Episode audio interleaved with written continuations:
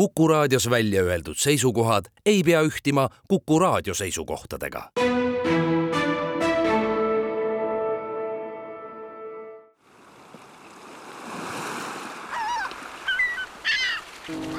meretund. meretundi toetab Tallinna Sadam tere hommikust ja tere kuulama Meretundi. mina olen saatejuht Vallo Kelmsaar. Tänases Meretunnis räägime Eesti Rohetiigri transpordi teekaardist, polaarkapteni tööst ja MTÜ-st Eesti Merendusklaster. sel kolmapäeval oli mittetulundusühenduse esimene üldkoosolek ühendus loodi mullu detsembris ja iga selle juhatuse liige vastutab vähemalt ühe Eesti merendusele olulise valdkonna eest. ühtlasi juhib ta vastavat komisjoni, mis liikmesettevõtete kaudu viib klastri eesmärkide täitmiseks ellu ühist tegevuskava ning on partneriks riigile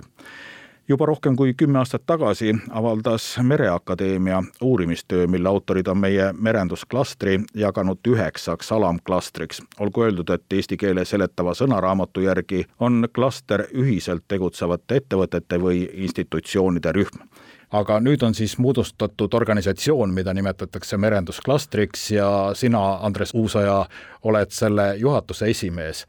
millisena sa näed selle organisatsiooni tulevikku? kui minna ka natukene tagasi, siis mul on nii vanemad olijad öelnud, et eh, Eesti merendusklastrit on üritatud teha juba kuus korda.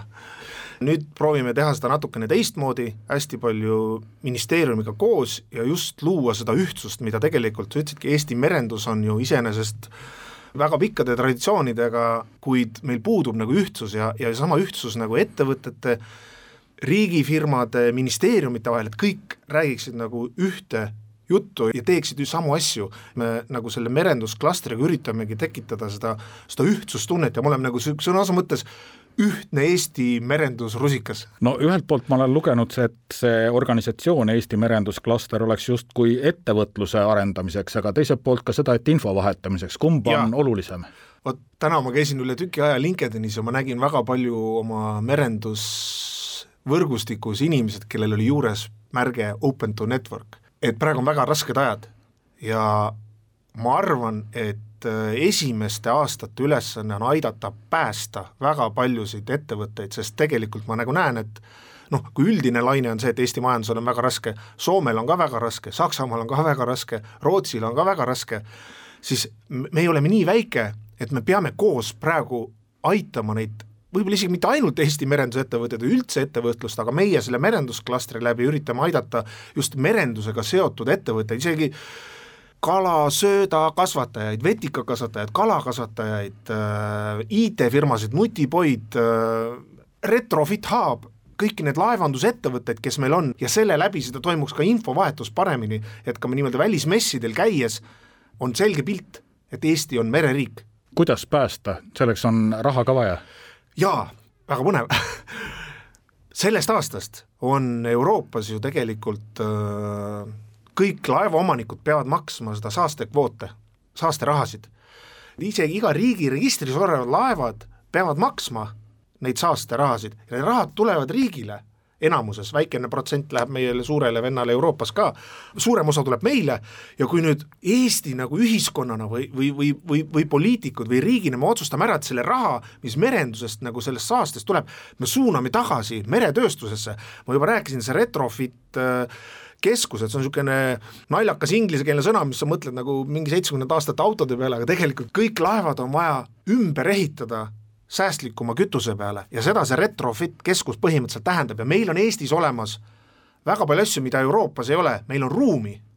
meil on tööjõud selleks, kvalifitseeritud tööjõud olemas ja meil on sadamakaid piisava süvisega, kus saaks neid asju teha. see on üks viis, kuidas läbi saaks nagu suurendada väga-väga suuresti Eesti eksporti. meil on võimalus praegu tekitada niisugune suur eelis võrreldes teistega siin piirkonnas asuvatest ettevõtetest ja, ja firmadest, et me saaksime siin midagi ees, eesrinnas nagu ära teha, et hakata kuskilt tegema ja see, see rohepööre aitab tegelikult hästi palju Eesti ettevõtjaid, kui me koos seda asja kommunikeerime ja teeme, siis igaüks saaks siit midagi sellest rohepöördest, laevade ümberehitusest näiteks kas või. ideena ju tore, aga kust võtta tööjõudu? minul oli sama küsimus,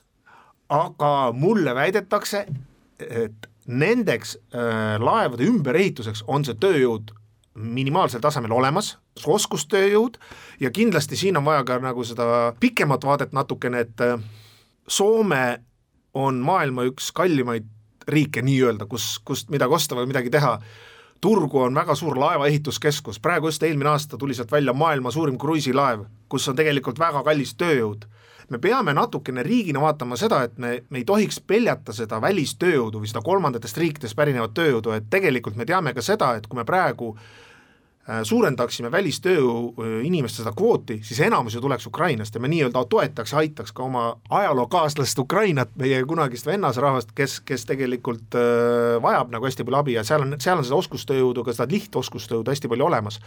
seal on hästi palju ressurssi, laevakaptenid, laevamadrused, kõik, kõik need asjad on nagu olemas, mis oleks ka vaja nagu selleks, et äh, näiteks tuua üha rohkem laevu Eesti registrisse, mis aitaks jälle suurendada seda rahasummat, mis tuleb saaste pealt, kui me saaksime rohkem laevu Eesti registrisse. see tähendab seda, et väga paljud ettevõtjad või laevaomanikud vaatavad ka seda, et oleks soodsad tingimused riigi poolt, see on meie nii-öelda peaaegu valmis digilaevandusregister, millega peaks nüüd edasi minema ja aktiivselt tegelema ja, ja kui me nagu oleks riigi poolt sobilik ka, et me võtame näiteks Ukraina tööjõudu päris palju, siis väga paljud laevaomanikud tuleksid siia rohkem. kuna ma olen just selle merendusega või laevandusega või, või logistikaga, ekspedeerimisega viimased viisteist-kuusteist aastat tegelenud, siis ma olen alati igal pool välismessidel, ma nii-öelda ei müü kunagi ennast, vaid ma müün alati nagu Eestit kui lahendust, et praegu, kui me oleme Kesk-Aasias käinud ministeeriumitega, siis oleme meil kaasas olnud, on Sillamäe, Põhja, Lõuna, kõik sadamad me tahame müüa kui lahendust, et kui üks keegi saab, siis saavad teised ka ma praegu ma näen juba tulemusena seda, aga mida ma olen alati näinud, ongi see, et Eestis puudub see ühtsus. me oleme natukene uhked, äh, me konkureerime, me ei taha infot jagada, aga me oleme liiga väike riik selle jaoks, et midagi nagu eraldi teha, me peaksime tegelikult koos tegema. Norra ei ole just maailma kõige suurem riik rahvaarvult, aga skp mõttes ei ole kõige väiksem riik maailmas, on ju. okei okay,, neil on see lõhe ja õli ka natukene, see aitab neid, on ju. aga kui nemad näiteks organiseerivad mingisugust merenduskonverentsi, nad ei lase ühelgi välisriigil tuua oma konsultanti või mingit oma stendipakkujat, nad pakuvad alati oma, nad on ühtsed. kõik asjad sa pead tegema Norra teemaga, sama asi Hollandis et, et me peame jõudma sinna samamoodi, et me tegema koos, et lihtsalt on natukene valitsenud see, et aga pigem on eestlastel niisugune suhtumine olnud, et et, et kui midagi antakse või midagi uut on tulemas, nii-öelda meeltmööda rohkem see, et kui keegi ei saa, et kui mina ei saa, siis mu konkurent ka ei saa, et see on parem tulemus kui see, et konkurent saab. et, et tegelikult, kui konkurent saab Eestis, siis see tuleb ka teistele, kui sa piisavalt hästi töötad, siis see tuleb kõigile. näiteks me proovime, Vene transiit on kadunud, on ju, proovisime käivitada merevaigurongi, noh, kahjuks äh, Soome majandusel ei lähe ka kõige paremini, on ju, mis see merevaigurong ongi nagu Rail Baltica eellane, et ühendada ära Soome ülejäänud Euroopaga, Aadria mere, Musta merega, noh, Mustal merel on sõda praegu, et äh, praegu otsime nagu, et äkki me saame olla uuesti, nagu me üheksakümnendatel olime, et oleme värav Kesk-Aasiasse. et jälle Eesti oleks nagu lahendus, mingid asjad liiguvad Paldiskisse, mingid asjad liiguvad Sillamäele, mingid asjad liiguvad Muugale, midagi saab teha Pärnust, et teeme koos kõike, sedasama, selle minu nagu niisugune ma lähen väga põlema minu põlemise minev põhjus ongi see, et teeksime koos, et me ajame Eesti asja koos, et me unustame ära enda isiklikud egod, vaid me oleme lihtsalt, ajame koos Eesti asja. et igaüks, kes tahab ka merendusklastri liikmeks tulla, kõik tulge, aga mõtleme kõik koos, mida me saame anda. Et seda me teeme natukene teistmoodi, et, et siin on mõned ettevõtjad ju küsinud, okei okay,, et ma maksan mingi kolm sotti aastas, mis ma sellest saan sellist suhtumist me ei taha, me tahame seda, et okei okay,, et et, et a la ideaalis on see, et ainult kolmsada, aga ma tahaks anda kolmkümmend tuhat, on ju, või et, et noh, okei okay,, raha rahaks, aga et, et ma tahaks seda teha, ma saaks seda teha, et, et juhatuses me oleme ära jaotanud valdkondade kaupa kes millega tegeleb, et võtame juurde mingisugused väiksed asjad, mina üritan ennast kurssi viia väikesadamate tegemistega, et, et kui me siin võrdluses tõime nagu Soome, et Soomes on väikesadamaid, noh, seal on neid saari juba nii palju, see iga, iga saare sadam on tegelikult juba väike sadam, on ju. seal on neid väikejahte hästi palju, meil on nii palju õppust võtta nagu oma põhjanaabrist, aga me nagu natukene kardame võib-olla seda õppust võtmist. et, et äh, nii-öelda lühikene vastus oli siis see, et, et teeme nüüd seekord midagi koos ja mitte poliitiliselt, aga koostöös ministeeriumis, koostöös poliitikutega, koostöös ametnikega, koostöös ettevõtjatega tekitame niisuguse ühtse maailmavaate, et Eesti on mereriik olen kuulnud ka sellist arvamust, et see klastri moodustamine on mõnes mõttes ministeeriumile või ametnikele mugav, et siis nad saavad suhelda nii-öelda ühe esindajaga ja ei pea kõigiga korraga läbi rääkima, mis sina sellest ma olen, arvad? ma olen ka seda kuulnud ja ma isegi alguses võib-olla mõtlesin ka seda, ma ütlen ausalt, enne kui ma siia tulin või nii-öelda merendusklassisse, ma ei teadnud, kui palju liite on Eestis, kui palju juba väikeseid organisatsioone on. ja nüüd ma olen natukene näinud seda infovahetust ja, ja ministeeriumitega suhelnud ja siis ma näen, et tegelikult need väiksed jäävad natukene nagu hätta, et, et nende hääl jõuaks kõlama. et kui on noh,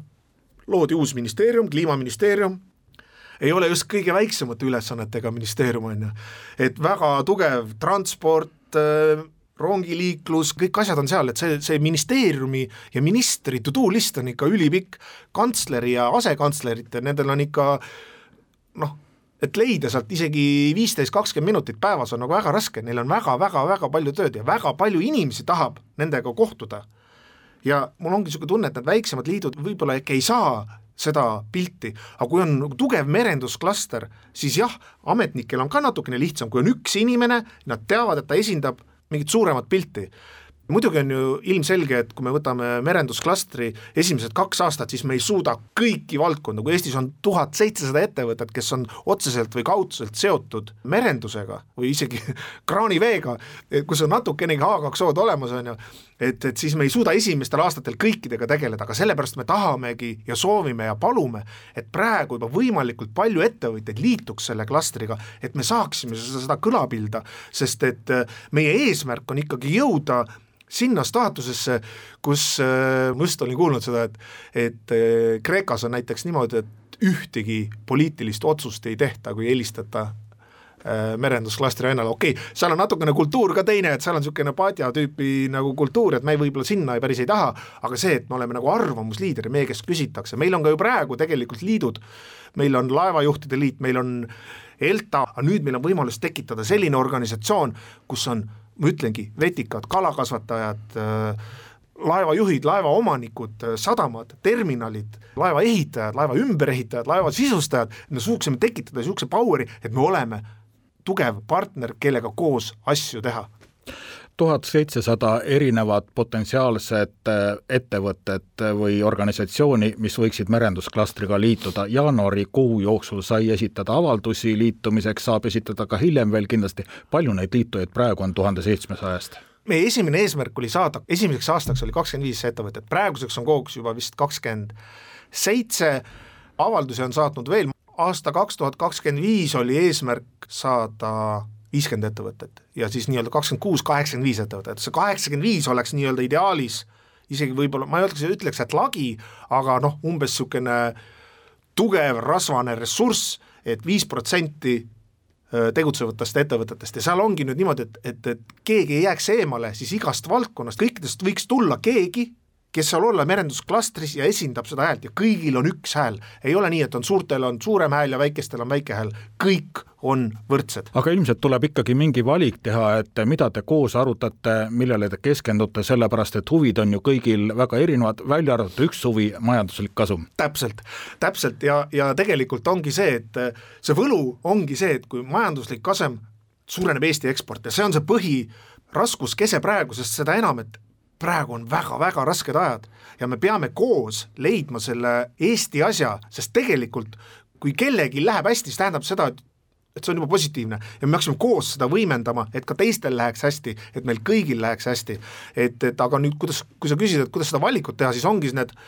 üldkoosolek, mis siis on kõige tähtsam, juhatuse üldkoosolekul otsustatakse ära mingisugused valikud olemasolevatest liikmetest, liikme avalduse või liikmeks saamise avaldusi saab saata kogu aeg, eesti.merendusklaster.gmail.com on niisugune lihtne esimene meiliaadress, mis me hästi ruttu tegime, kontaktid leiab kõik nagu üles, et mida rohkem me räägime ja arutame, seda rohkem tekivad need äh, valdkonnad, kuhu väga keskenduda, ma ütlen, praegu on see väga suur keskendumine sellele, et Eesti mere äh, nii-öelda saastekvootidest tulenevad rahad tulevad tagasi Eesti meretööstusele. me ei saa seda praegu võimalust mööda lasta. et võimalikult palju laevu tuleks Eesti lipu alla, meil on digilaevandusregister, minu endale väga isiklik asi on äh, ka natukene keskkond sellest väga palju nagu ei räägita, aga tegelikult Läänemeri on, ma arvan, maailmas on vist kõige rohkem sõjalaevu on Läänemeres, põhjas, frakkidena. ja Eesti põhjarannik, olles nii-öelda erinevate sõdade ajal, olles äh, tähtis äh, geograafiline punkt, siin Eesti põhjarannikul on meeletus koguses vanu laevu, millel hakkab see nii-öelda Vene-Saksa kõva metall hakkab juba pehmeks minema ja seal üks asi on kütus, aga laskemoon see on ka teema, millega me peaksime tegelema, et neid valdkondi on hästi palju,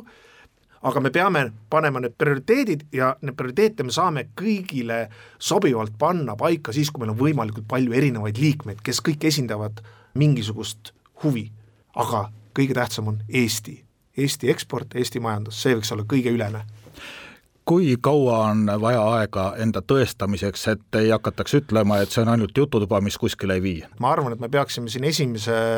no ütleme, teise kvartali, kolmanda kvartali, me peaksime jõudma juba mingisuguste tulemusteni, mingisuguste poliitiliste otsuste, mingisuguse ühisosa leidmisel, et ma arvan, et see aasta me peaksime midagi korda saatma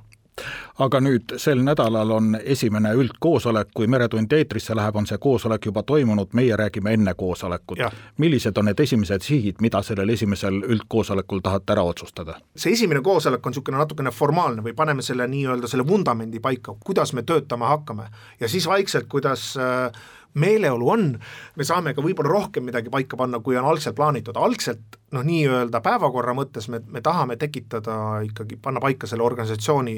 struktuuri, meil on, tuleb sinna neliteist liiget, keda me pole näinud füüsiliselt, see on nüüd esimene koosolek, kus on kõik liikmed on nagu koos ja siis me paneme paika järgmised koosolekud ja põhivaldkonnad, mis on need kõige kriitilisemad asjad, nendega, need paneme paika. kui kaua te tulete toime ilma kontorita, ilma büroota, ilma palgaliste töötajatega, kui organisatsioon kasvab? hea küsimus, äh, praegu on niimoodi, et äh, mina olen andnud enda nagu nõusoleku, et, et kaheks aastaks. kui see nüüd organisatsioon esimese aasta jooksul väga suuremaks läheb, muidugi on siis arvatavasti vaja võtta organisaatorid, kes nagu selle info kommunikeerimise kõik, aga ma arvan, et esimese kahe aasta jooksul me saame hakkama nii, et äh, kõik oma töö kõrvalt natukene seda teevad. sest et tegelikult ju see on mõnes mõttes ka meie igapäevane töö, ajada Eesti asja et, et see on natukene seotud, ma mõtlen küll, et ma olen nagu HLTK-s konteiner või multimodaalne terminal Muugal,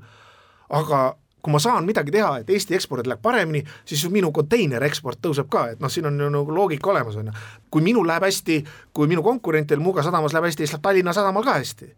Kui tuuleenergial läheb hästi, Saare vindil läheb hästi, kui eksport tõuseb, siis läheb logistikutel hästi, et see ongi niimoodi, et me tegelikult ju ajame kaudselt, teeme ka oma igapäevast tööd et siin ma arvangi, et võib-olla eraldi struktuuri esimese paari aasta jooksul ei, ei praegu ma seda nii ei näe, aga võib-olla me poole aasta pärast oleme juba kõik need tuhat seitsesada meil liiget ja siis läheb nagu käest ära, et siis, siis võib-olla võtame ühe inimese tööle.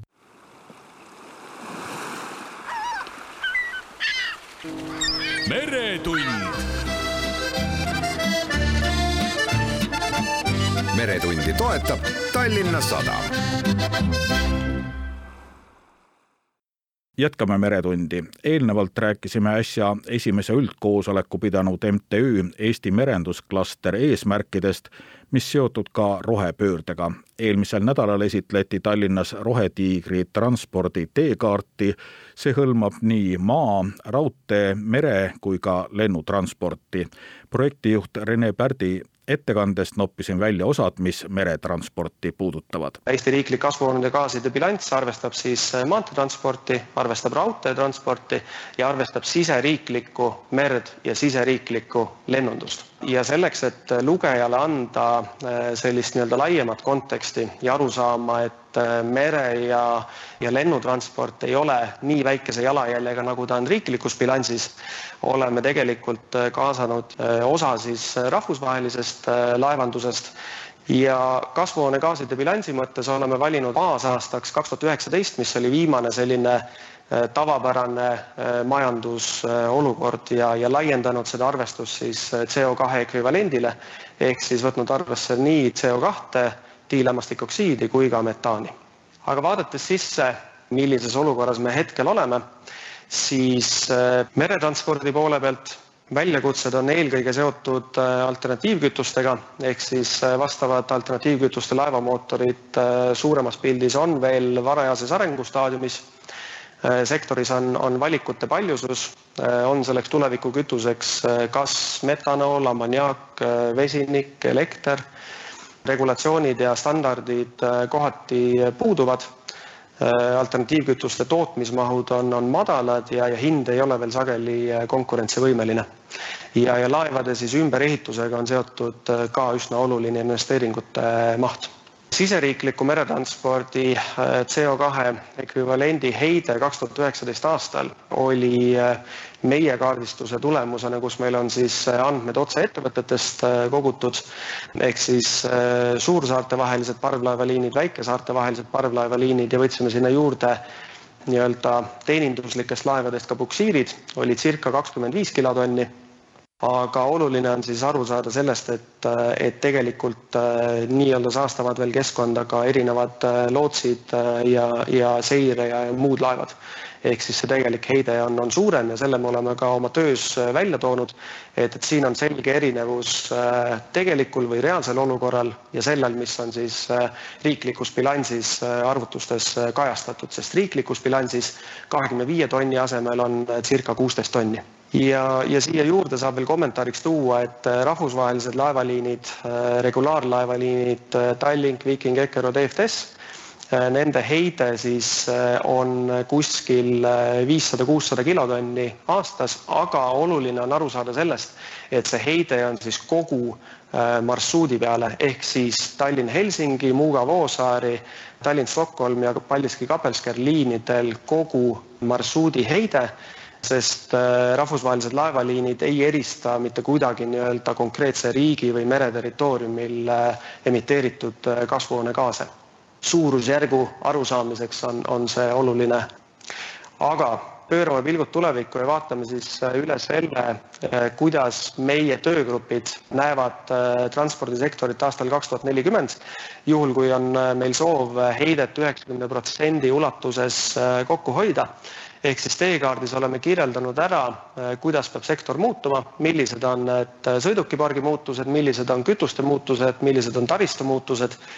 meretranspordi poole pealt äh, olulisemad muutujad, millega me oleme arvestanud, on see, et riigisisestel parvlaevaliinidel prognoositakse reisijate kasvutrendi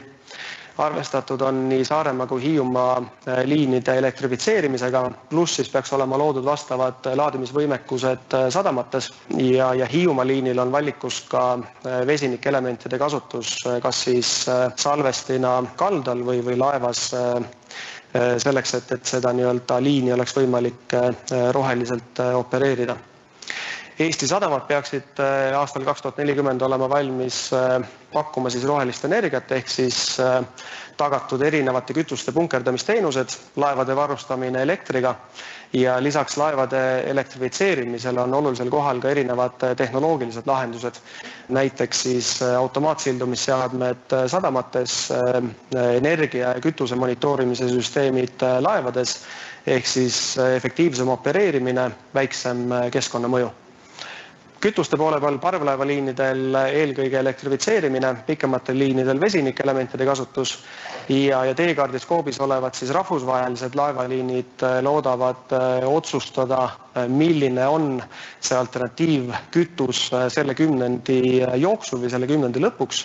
kui peaks ka vastavad laevamootorid jõudma nii-öelda kommertskasutusse sellepärast ei ole me siin konkreetseid protsente ette näinud, valikus äh, rahvusvaheliste liinide jaoks äh, viimase aasta jooksul on pigem jäänud kas metanool või ammoniaak, vesinikust ja muudest variantidest räägitakse nii suurte laevade puhul vähem ja, ja siia lõppu veel kommentaar, et äh, kogu äh, Eesti transpordisektori äh, elektrienergia tarbimine kasvaks kahe tuhande neljakümnendaks aastaks ühe koma ühe teravatt-tunnini. see on kahe tuhande üheksateistkümnenda aastaga näiteks võrreldes kuskil kahekümnekordne kasv, mis selgeks pudelikaelaks hetkel on, on juba kujunenud nüüd aga jõuame muudatusettepanekute juurde, ehk siis visioon võib ju kena olla, aga aga on vajalik ka konkreetseid äh, muudatusi selleks, et see äh, realiseeruks. ja meie töögrupid on äh, välja tulnud siis rea ettepanekutega, mis on siis teekaardis täpsemalt lahti kirjutatud, on välja toodud muudatuse mõju, maksumus, kirjeldus, vastutajad ja ka ajakava, millises ajaraamis oleks vajalik need ellu viia meretranspordis ettepanekud eelkõige esiteks käin üle need, mis puudutavad siseriiklikku meretransporti ehk siis meie töö mõttes parvlaevaliiklust. siin on olulisel kohal elektrifitseerimine ehk siis olulised elemendid on kaldaelektri väljaehitus laevade üleviimine siis osalisele või täielikule äh, akutoitele ja, ja rohevesiniku siis kasutamine läbi vesinikelementide. suursaarte liinidel saab äh, investeerimisotsuse teha operaator, väikesaartel on laevade omanik äh, riik ise ja, ja väikesadamad või ütleme, sadamad, kus siis parvlaevad opereerivad, kuuluvad ka riigiettevõttele saarteliinid teiseks, äh, automaatsete sildumisseadmete kasutamine laeva sildumisel äh, vähendab oluliselt seda sildumisaega ja õhku paisatavate kasvuhoonegaaside hulka. see vajaks siseriiklikult äh, lisaanalüüse. me näeme selgelt, et rahvusvahelistel liinidel automaatsildumisseadmed töötavad siin Tallinna Sadamas igapäevaselt ja, ja sellega hoitakse nii-öelda kasvuhoonegaase ja teisi olulisi siis elemente kokku. aga näiteks riigisiseselt on, on Norras väga suur hulk parvlaeva äh, sadamatest ka need äh, automaatsildumisseadmed kasutusele võtnud ja, ja rohevesinik energiaallikana hea alternatiiv elektrilaevade laadimiseks juhul, kui, kui siis sadamas võimsust ei jagu. aga, aga siin on vajalik ka lisaanalüüs ja, ja selle taristu väljaehituse siis areng ja, ja sellele lisaks siis erinevad ettepanekud, mis puudutavad äh, rahvusvahelist äh, laevanduse osa. Äh, sellest aastast on rahvusvahelised laevaliinid lisandunud siis heitkogustega kauplemise süsteemi, mis tähendab siis olulises mahus CO2 tasude maksmist ja ettepanek on, nii nagu paljud teised Euroopa Liidu riigid on seda arutanud, see, et need CO2 makstavad tasud teatud määras siis liiguks tagasi sektori enda kasvuhoonegaaside vähendamisesse. ehk siis äh, retrofit hub'i äh, mõtted ja, ja muud äh, nii-öelda taustideed, mis siin taga ka kliimaministeeriumil endal on. aga mida siit kokkuvõttes viimasena nii-öelda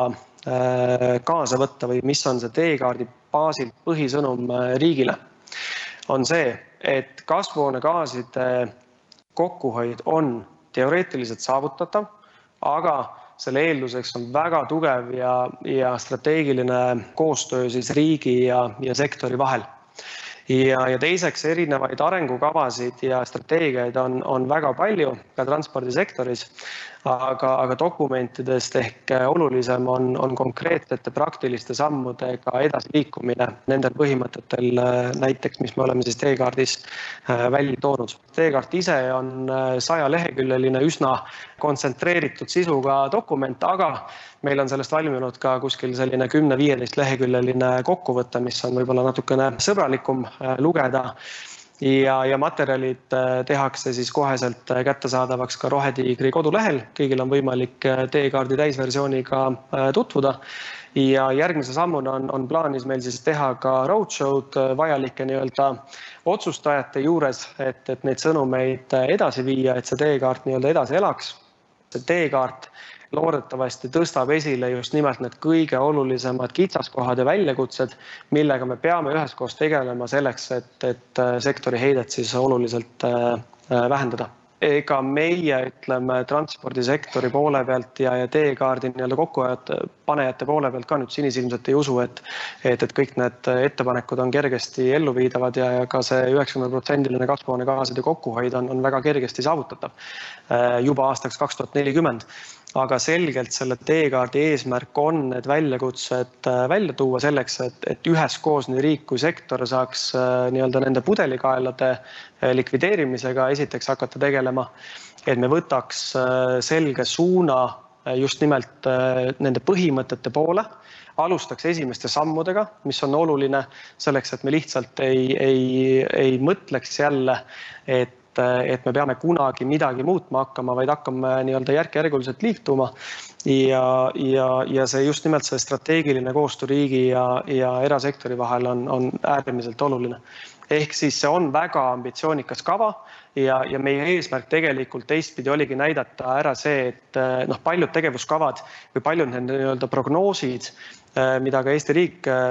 koostab, on sellised, et need võtavad aluseks praegused muudatusettepanekud, vaatavad, et, et me ei jõua sihile. aga meie põhimõte oli see, et võtame ette selle nii-öelda lõppeesmärgi ja vaatame, kui mastaapsed muutused tegelikult on vajalik ellu viia ja, ja hakkame neid muudatusi nii-öelda detailsemaks ajama ja neid äh, läbi rääkima.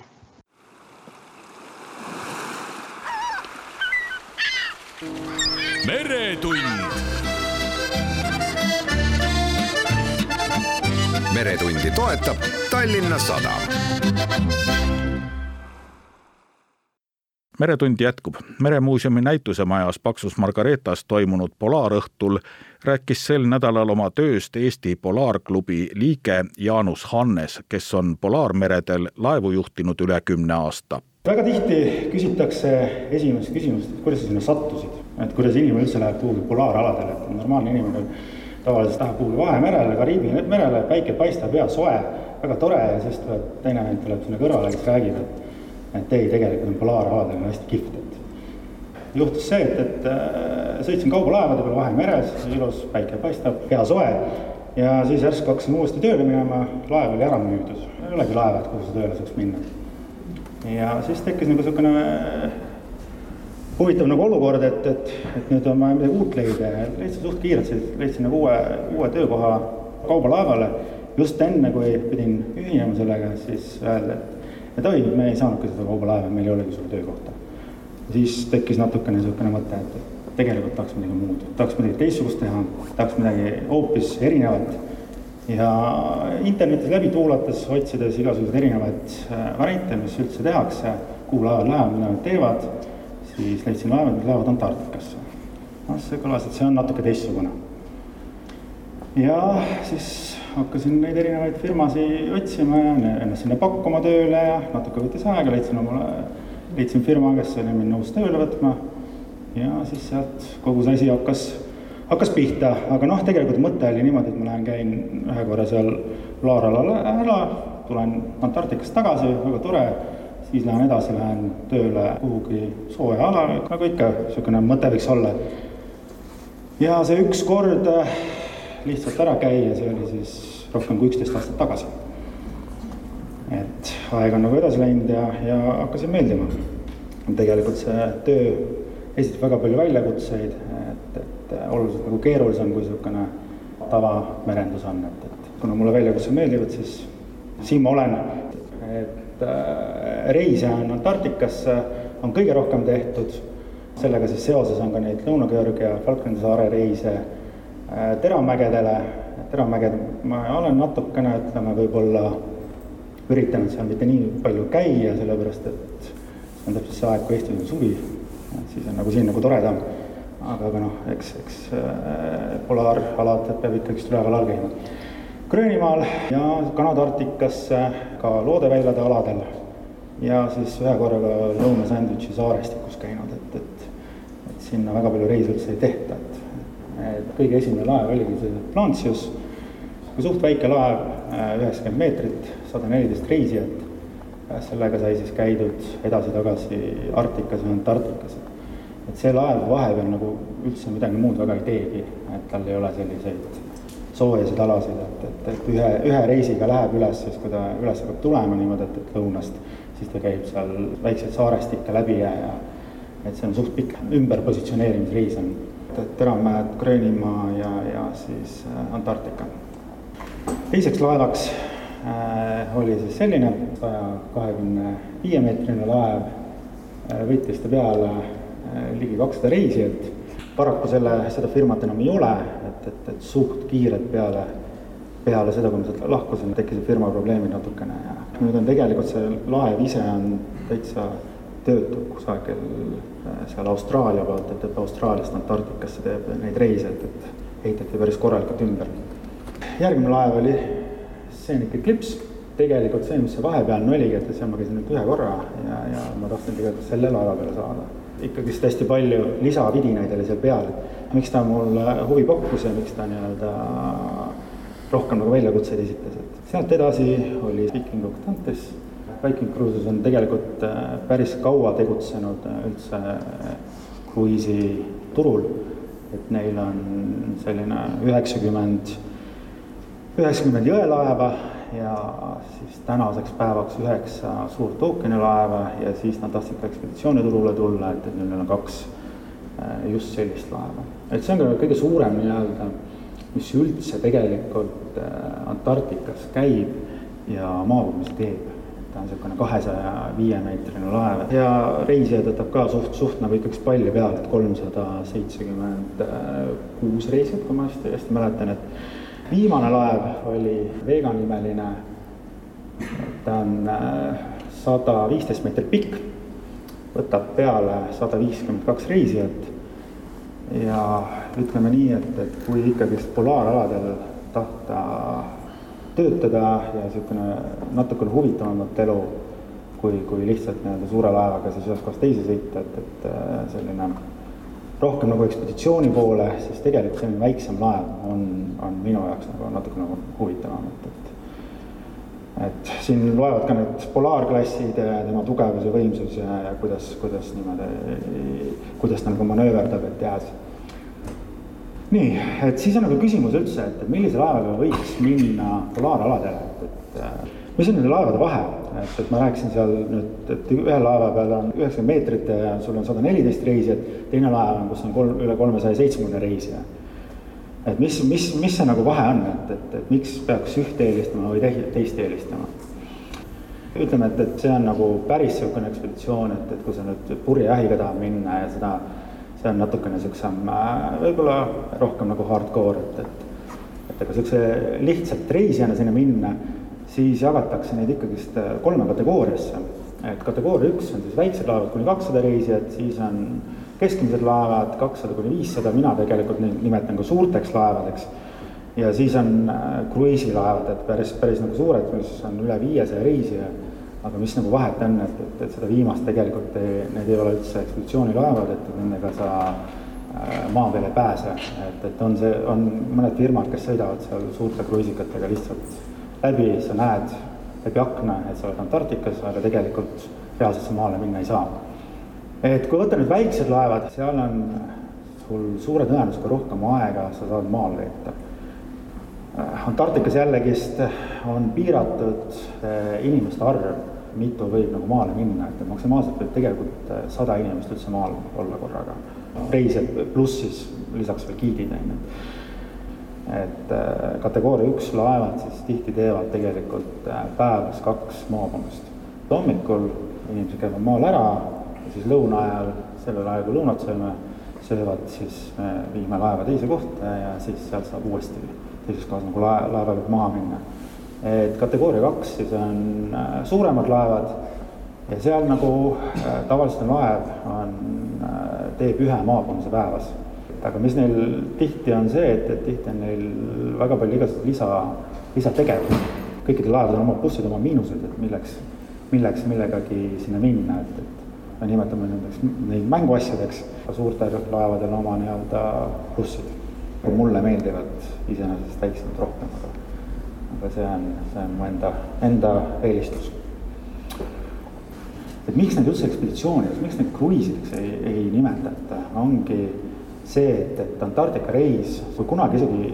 pandi nii-öelda teekond pandi paika, siis täna isegi öeldakse, et, et Antarktika poolsaare reis ja, ja see ongi sinu, sinu nii-öelda teadmine. ilmastik määrab seal hästi palju, mida me teha saame ja kuhu me minna saame ja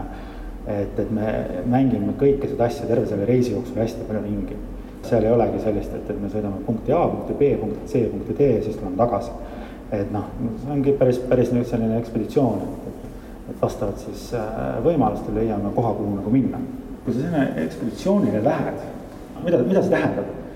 et ma rääkisin siin maale minekust, et tegelikult sellega see asi üldiselt ei piirdu. et see oleneb nagu hästi palju firmast ja laevast ja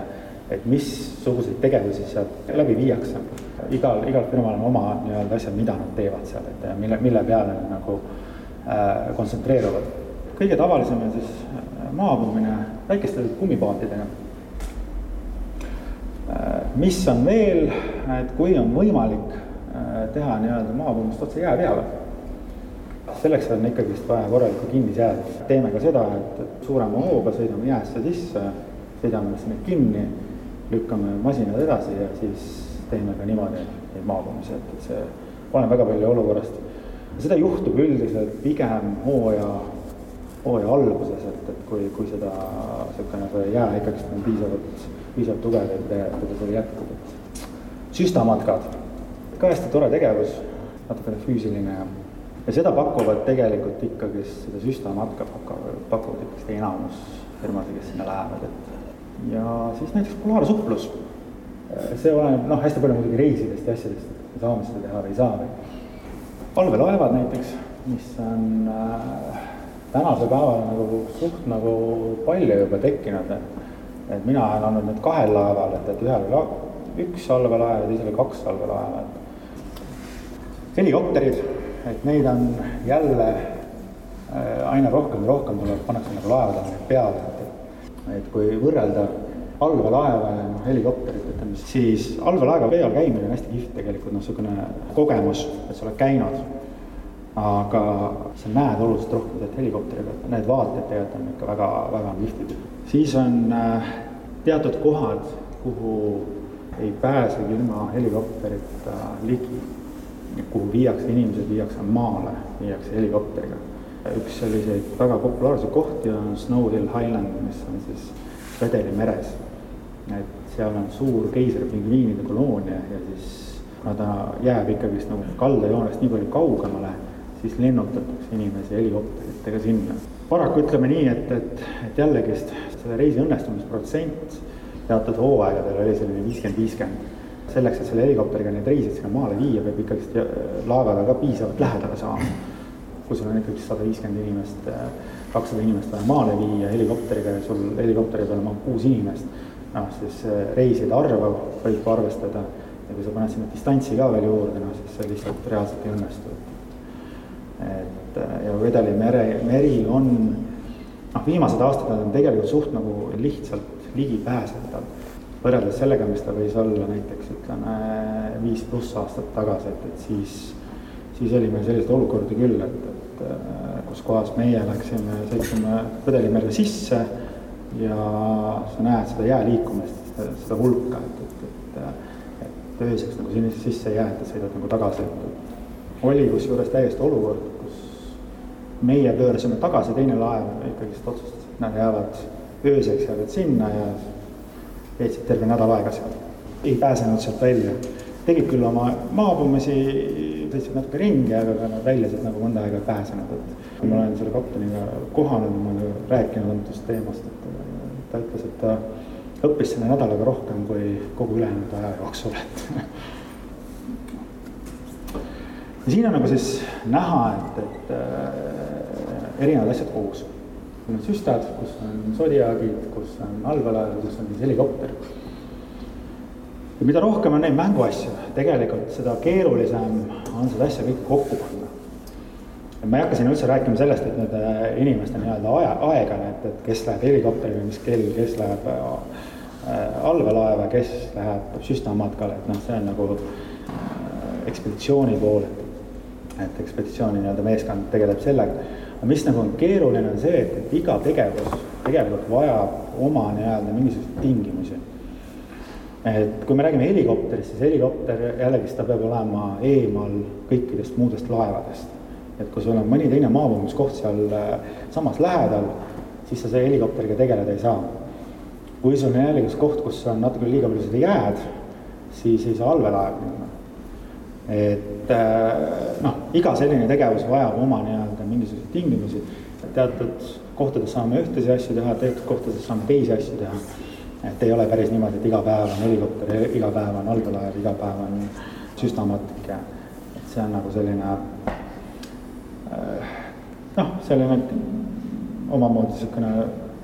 asi, mis on vaja välja mõelda ja kuidas, kuidas seda asja kokku panna, et, et reisijad iseenesest keegi seda ei näe, et seda keerulist poolt, et, et aga, aga noh, nii ta on. see kõik oli hästi kihvt, hästi tore,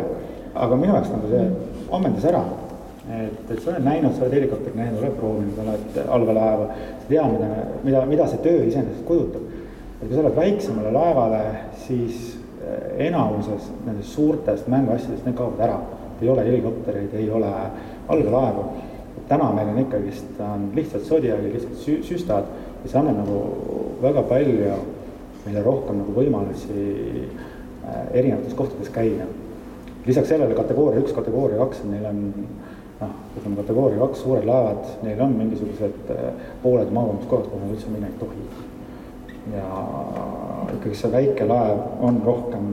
minu jaoks nagu ekspeditsiooni teema. tänases Meretunnis kõnelesid polaarkapten Jaanus Hannes, Rohetiigri transpordi teekaardi projektijuht Rene Pärt ja MTÜ Eesti Merendusklaster juhatuse esimees Andres Uusoja. saate seadis kokku Vallo Kelmsaar. järgmine Meretund on Kuku raadios nagu ikka nädala pärast.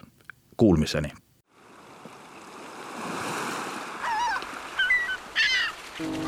meretund.